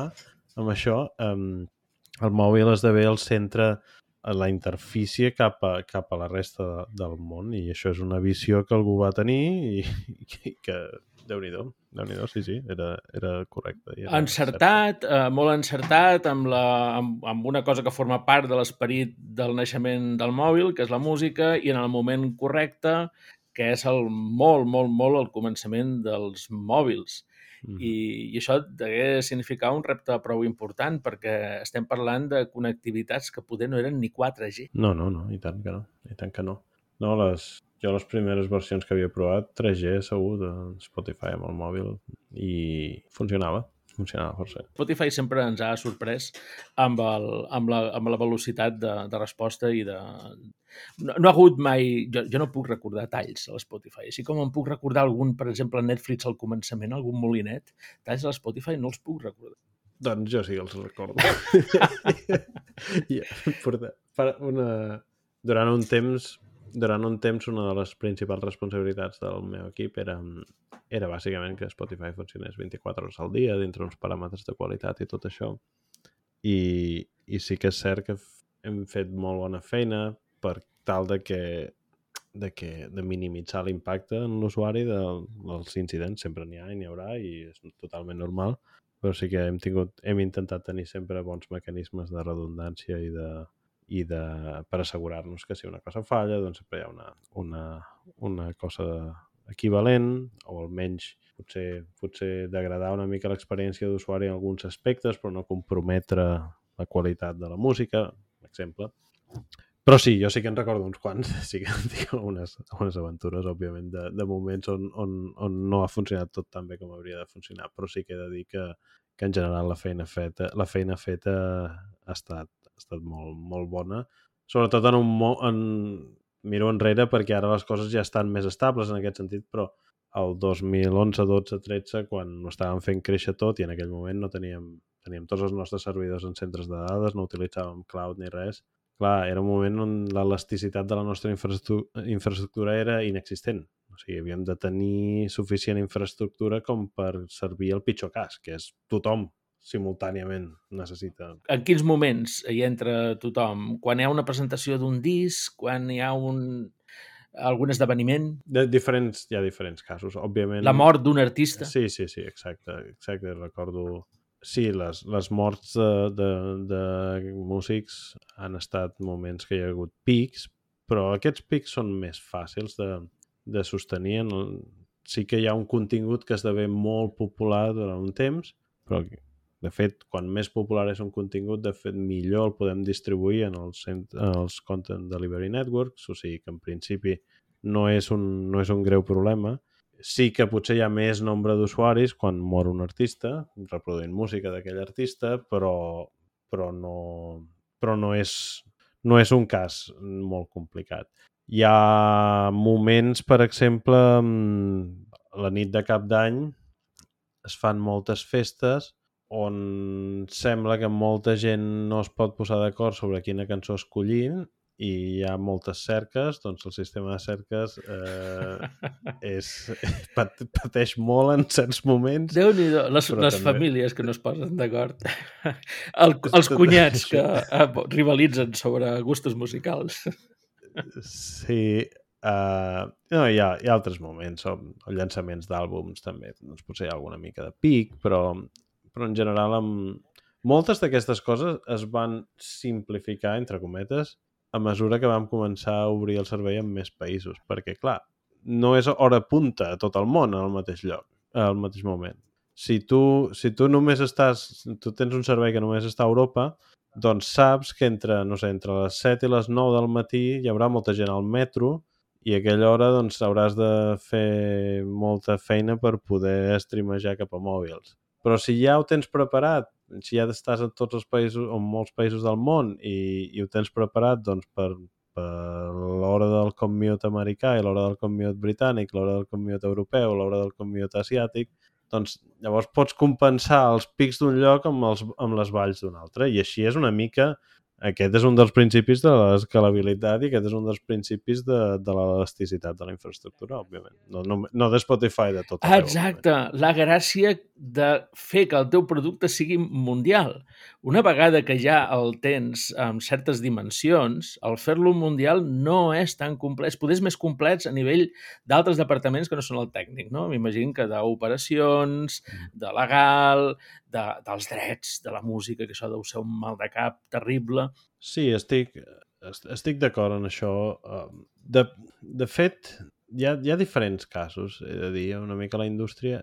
Hi ha empreses que tenen un stack tecnològic molt monolític, diguem-ne, que, que des del principi no estan molt dissenyades per, per realment tenir còpies o rèpliques o córrer com diem nosaltres, amb un actiu-actiu. És a dir, que, que tinguis una rèplica però que també estigui activa, bàsicament. Uh, això, aplicat al cas de Spotify, per exemple, doncs, doncs quan vam sortir a Nova Zelanda, doncs la gent de Nova Zelanda, pobra gent, ha de, ha de intentar reproduir la seva música des d'Austràlia o, o des del sud-est asiàtic, però si, venen, si van a Europa, doncs vindran amb... Bueno, l'única realitat del nostre món és que la velocitat de la llum és una i, i això, doncs, doncs a part de Nova Zelanda a Londres és perceptible el retard i no hi ha cap manera de, de canviar-ho. La velocitat de la llum té una latència i és que no, no es pot canviar. Llavors, llavors la sort que vam tenir nosaltres és que partíem d'un sistema que estava dissenyat d'una manera molt modular una mica accidentalment, he de dir, molt d'aquests accidents feliços, diguem-ne, uh, i ens va permetre fàcilment, doncs, si havíem de tenir servidors doncs, a Austràlia o en un centre de dades del sud-est asiàtic o on fos, doncs, doncs poder-ho fer. Però si és ben cert que hi ha empreses, sobretot aquelles que tenen stacks tecnològics que estan, diguem-ne, llegint i escrivint a bases de dades contínuament, que pateixen molt per tenir una escalabilitat mundial. I aquí sí que, sí que els costos són, són més elevats. Igualment, igualment per nosaltres també ha estat doncs, un, un, repte, un repte interessant fer-ho mundial, òbviament, òbviament. També hi ha coses, quan fas les coses distribuïdes, també has d'acostumar-te a les fallades parcials, que són més difícils de solucionar que les fallades globals, en general. Les fallades parcials és com detectes que avui Netflix no, no funciona a la gent que té telefònica que viu a la província de Sevilla. Eh, clar, eh, tu tens un sistema molt distribuït, però resulta que ningú que viu a Sevilla que tingui telefònica pot veure Netflix. Què està passant? Llavors, eh, sistemes distribuïts versus no distribuïts, clar, creen una sèrie de reptes interessants en moltes direccions possibles i, i per sort per nosaltres això va ser sempre ha estat sempre força, força gestionable. El, el valor que dona això amb algú com tu eh, per a, ajudar a crear nous projectes i que no s'acometin segons quins errors des del començament és valuosíssim, perquè segons com plantegis una cosa, podràs o no podràs créixer sense haver de refer masses coses. Això, això és cert, però tot i això, tinc un consell, no, no sóc persona de consells i sóc, sóc bastant poc visionari en general, però hi ha una cosa que me n'he adonat i he après amb el temps. Moltes de les coses que hem aconseguit fer en l'empresa Spotify, però abans de la meva carrera també, però bé, moltes de les coses de Spotify han estat accidents. Si no haguéssim estat innocents i, i una mica, mm, com dir-ho, eh, si no haguéssim pres alguns riscos que que si haguéssim tingut el cap més al lloc mai haguéssim pres, potser tampoc seríem on som. O sigui, un dels consells que, que, tinc, que tinc per la gent que comença, en general, és intenta que la innovació sigui fàcil i també sigui fàcil de desmuntar. O sigui, si tu tens una idea boja o algú del teu equip té una idea boja, encara que no hi creguis, l'únic que has de fer és assegurar-te que que, que hi ha una escapatòria, que si això no funciona, d'aquí dues setmanes ho desmuntem i no hi ha, no hi ha costos associats. És el que... Eh, això, això ho hem esmentat una mica i és l'essència del Lean. El, el Lean et diu fracassa ràpid i fracassa barat. Sí, sí, sí. Sí, però també t'he de dir perquè, perquè ho, ho he vist en casos reals d'empreses amb les que he treballat i tot això, que el Lean portat a l'extrem porta, mm, porta a, a no prendre riscos. És a dir, tu no pots... Una, una empresa on hi hagi una mentalitat conservadora mm -hmm. Que es vulgui modernitzar canviant el seu framework, és a dir, la seva manera de treballar, no ho aconseguirà. El primer que ha de fer és canviar la cultura. O sigui, una empresa, una empresa que vulgui innovar, tu no li vas amb la recepta del Lean demà i arreg... Eh, no, no, no, no, de, de cap manera. No arreglaràs res. De fet, probablement ho empitjoraràs tot, perquè intentaràs eh, calçar, intentaràs introduir amb calçador una cosa que és incompatible amb la manera de treballar i amb la manera de pensar, diguem-ho així. I això és una cosa que és crucial. Les empreses han d'invertir en cultura i en valors i en, i, i en el que realment creuen. És possible, és totalment viable tenir una empresa que tingui una mentalitat de no evolucionar mai. Jo tinc una cosa que funciona i no la vull tocar mai. I llavors és molt responsable en aquesta empresa, si ells volen mantenir això, doncs que, que trobin la manera de garantir al màxim aquesta visió. Llavors, l'IN no és la no, solució. evidentment no. Un exemple. No, no. I, I és viable, hi ha moltes empreses que tenen un producte i no el tocaran mai. Hi ha empreses que, que venen productes que no s'han canviat en 50 anys i, i els hi va més o menys bé. Ara, una empresa que tingui un problema d'innovació tampoc pot caure en el parany de pensar adopto aquest framework, aquesta manera de treballar i demà passat estic innovant doncs, doncs no, no, va, no va ben bé així. I això, mm, i això és una de les coses que, que, que és molt important, invertir en cultura. Jo, jo quan vaig començar en aquesta feina, ja ho he dit, quan vaig arribar tot em semblava gran. Però cada dia que anava jo a treballar allà, pensava, i per què m'han donat aquesta feina a mi? Jo ho pensava. Jo sé que sabia que estava fent una feina més o menys bona i per què me l'han donat a mi? I això no se'm va passar fins al dia que me'n vaig adonar i vaig acabar d'entendre que per tothom que estava allà, les 100 persones que estàvem allà, era la primera vegada que fèiem una cosa d'aquella mida. Ningú havia tingut un Spotify abans. I llavors això em va permetre doncs, tenir una... Bueno, la cultura era de prova-ho, equivoca't, si t'equivoques o quan ens equivoquem, ho arreglem tots junts i intentem entendre per què ha fallat, quan un error ara et sonarà molt suec comparant amb el que comentava abans dels errors, quan, quan tenim un incident, l'únic que hem de fer és un post-mortem i mirar què ha passat i l'objectiu d'aquest post-mortem és no culpar ningú. L'objectiu és que el següent incident que tinguem sigui diferent que aquest, que no tornem a tenir el mateix error. Don't saps? repeat yourself. Clar, i tot això, tot això són coses que, que el framework era important? No. L'arquitectura eh, com funcionava Spotify que ens va permetre després obrir a molts països fàcilment era important? No, la cultura era important. Per tant, això de copiar models i tot això va amb... Bueno, per tant, el que jo li recomanaria a les empreses és trobar la manera de provar les hipòtesis o de mm, refutar les hipòtesis el més ràpid possible. Ja està, les decisions tecnològiques no són molt importants. De fet, tinc una teoria al respecte també, que és que, que veurem una transformació tecnològica en el futur molt grossa perquè, perquè serà impossible trobar talent per les necessitats que tenim. Perquè una mica ens hem pensat a la nostra indústria que si volem ser el següent Google hem de fer la infraestructura com la fa Google. Aquí, si, ens, si veiem els patrons que estan emergint en l'arquitectura del software, software distribuït, Kubernetes, elasticitat, tot això, són coses que el 99% dels negocis no necessiten avui. Potser ho necessitaran algun dia, però no ho necessiten avui. Uh mhm. I això és complexitat. Tenim la complexitat accidental i la, com la complexitat necessària. Aquesta no és complexitat necessària. Potser algun dia ho serà, però aquesta no és complexitat necessària.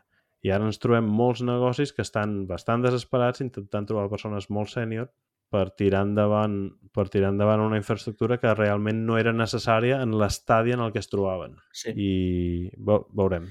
Això és, jo crec jo predic que aquí hi haurà un canvi de, de tendència. Sí que el, el, el talent l'associes més amb la capacitat que tens de de tenir olfacte per provar coses i de no complicar-les massa i de saber quan les has de matar i de saber quan les has de canviar, més que no pas anar a un lloc amb el teu mètode i dir, mira, jo tinc experiència i has de fer això, això, això i allò, no? Perquè és que, a més a més, també el que et trobis en cada moment serà diferent que el que hi havia feia 10 anys. I tant, i tant. Mm -hmm. jo, jo crec potser també potser estem veient una mica al principi del, del canvi de paradigma de, de cloud. Uh, no, sé, no sé exactament com, però, però sí és ben cert que els proveïdors de cloud no han posat mai cap interès en que les empreses tinguin una infraestructura simple. Mai. Perquè ha estat una manera també de que ells poguessin seguir amb el seu negoci i, òbviament, de que poguessin finançar eh, productes de més alt nivell, per dir-ho d'alguna manera. I sí que aquests productes han esdevingut la salsa secreta de moltes empreses, òbviament. Si parlem de temes de machine learning i, i BigQuery i coses d'aquest tipus, sí que han estat la salsa secreta de moltes empreses. Però això ha vingut amb uns costos infraestructurals increïbles. I, i jo crec que veurem una nova onada de cloud providers o de, sí, de cloud providers més especialitzats en alguns sectors i un grup de cloud, cloud providers que quedaran com més genèrics.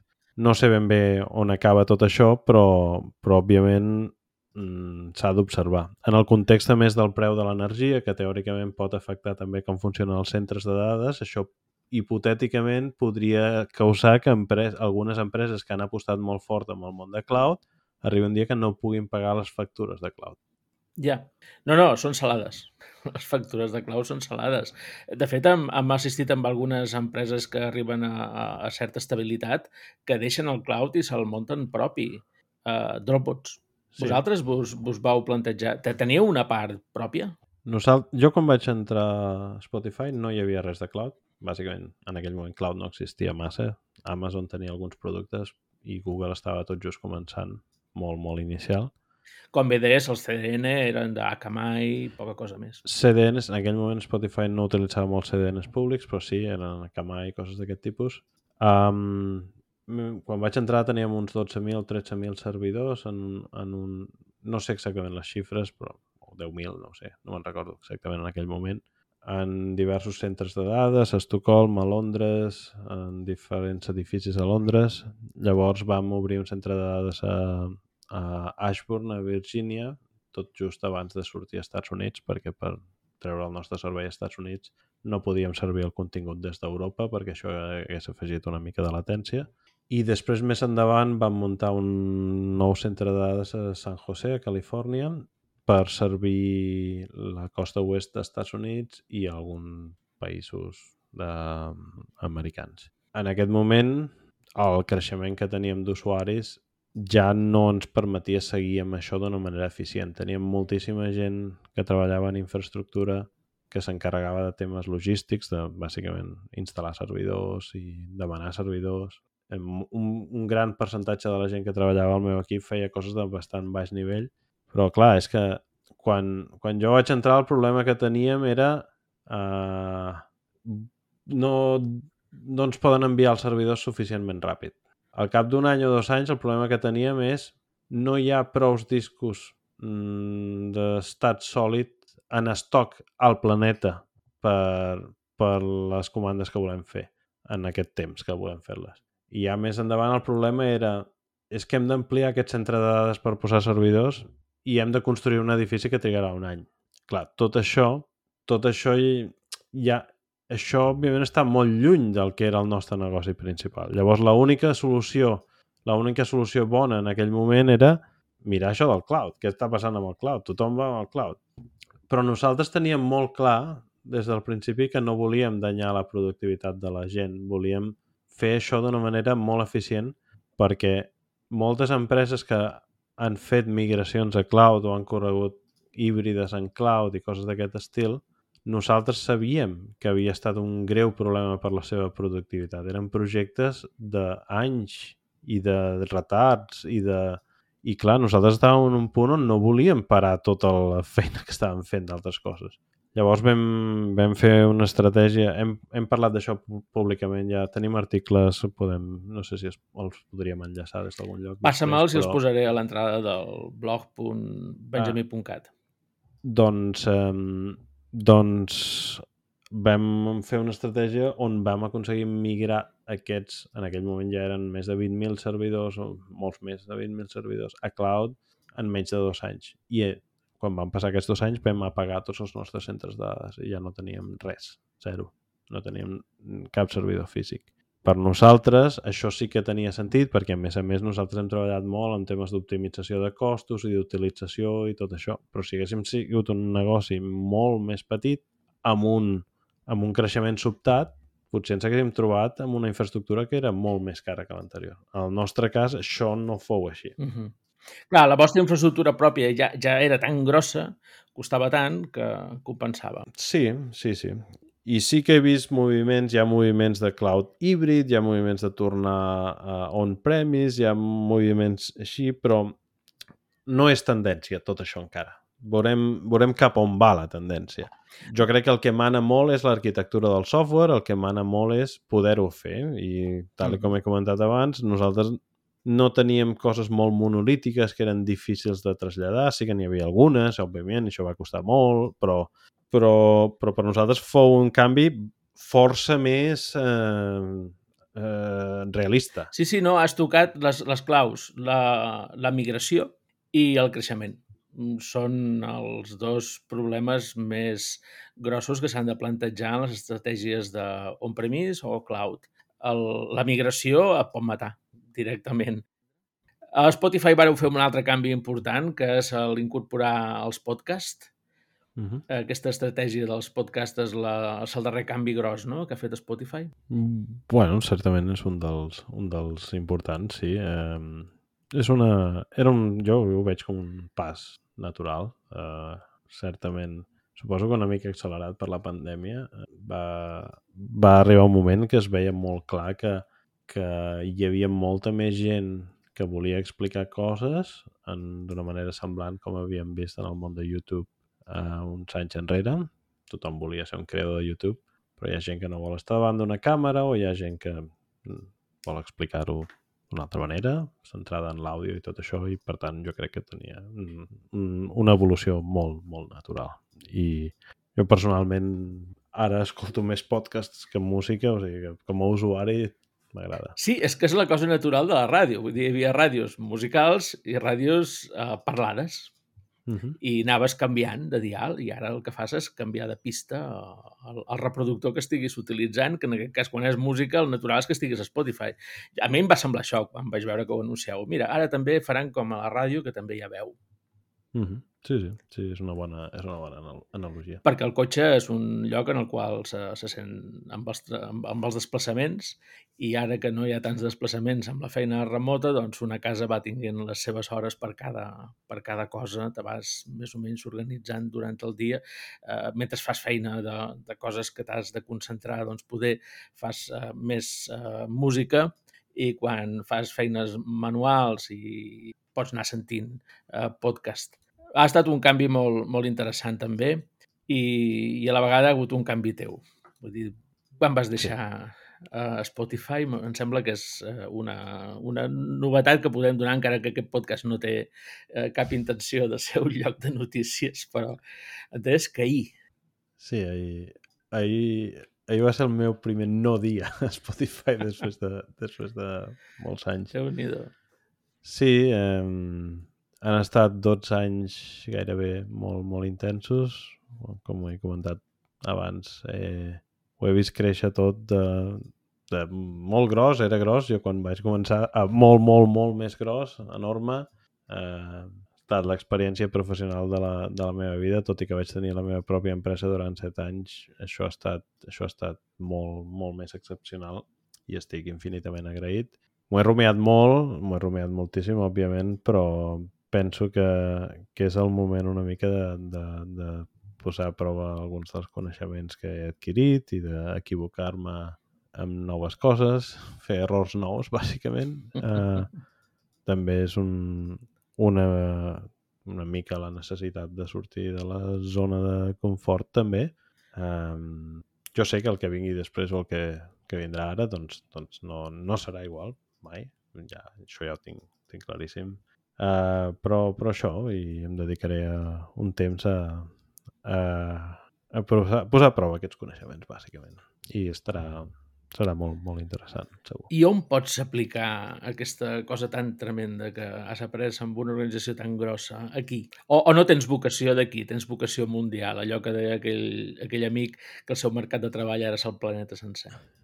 L'aquí o l'allà mmm, no, no seria un problema fer-ho des d'aquí, fins i tot. Uh, de fet, directe o indirectament, empreses amb les que he estat col·laborant i uh, amb les que he estat ajudant en els últims anys són empreses que treballen bastant distribuïdament i tenen presència aquí, però tenen presència on sigui. Què m'agradaria o on ho podria aplicar? No sé, a mi m'agradaria no tant, no tant o no només amb el coneixement de Spotify, però però una mica amb, amb les experiències acumulades després d'uns anys vivint a Suècia o de 10 anys vivint a Suècia uh, m'agradaria portar alguna cosa més cap a, cap a la manera com treballem i cap a la manera com ens organitzem i, i com funcionen les empreses tecnològiques i no tecnològiques d'aquí i com funciona l'administració pública i com funciona i, i en general com, com de fàcil n'és ser un ciutadà, diguéssim. Uh, no tinc una vocació necessàriament de fer una cosa en una empresa supergrossa. De fet, de fet m'agradaria treballar en empreses més petites del que és Spotify ara. Això, això ho tinc bastant, bastant clar. Però em donaré uns mesos per, per pensar una mica quin és el següent pas. Estic fent estaré, continuarem les feines de consultoria i d'advisory que he estat fent durant uns anys i en tinc algunes noves en marxa, o sigui que molta, molta feina a fer segur.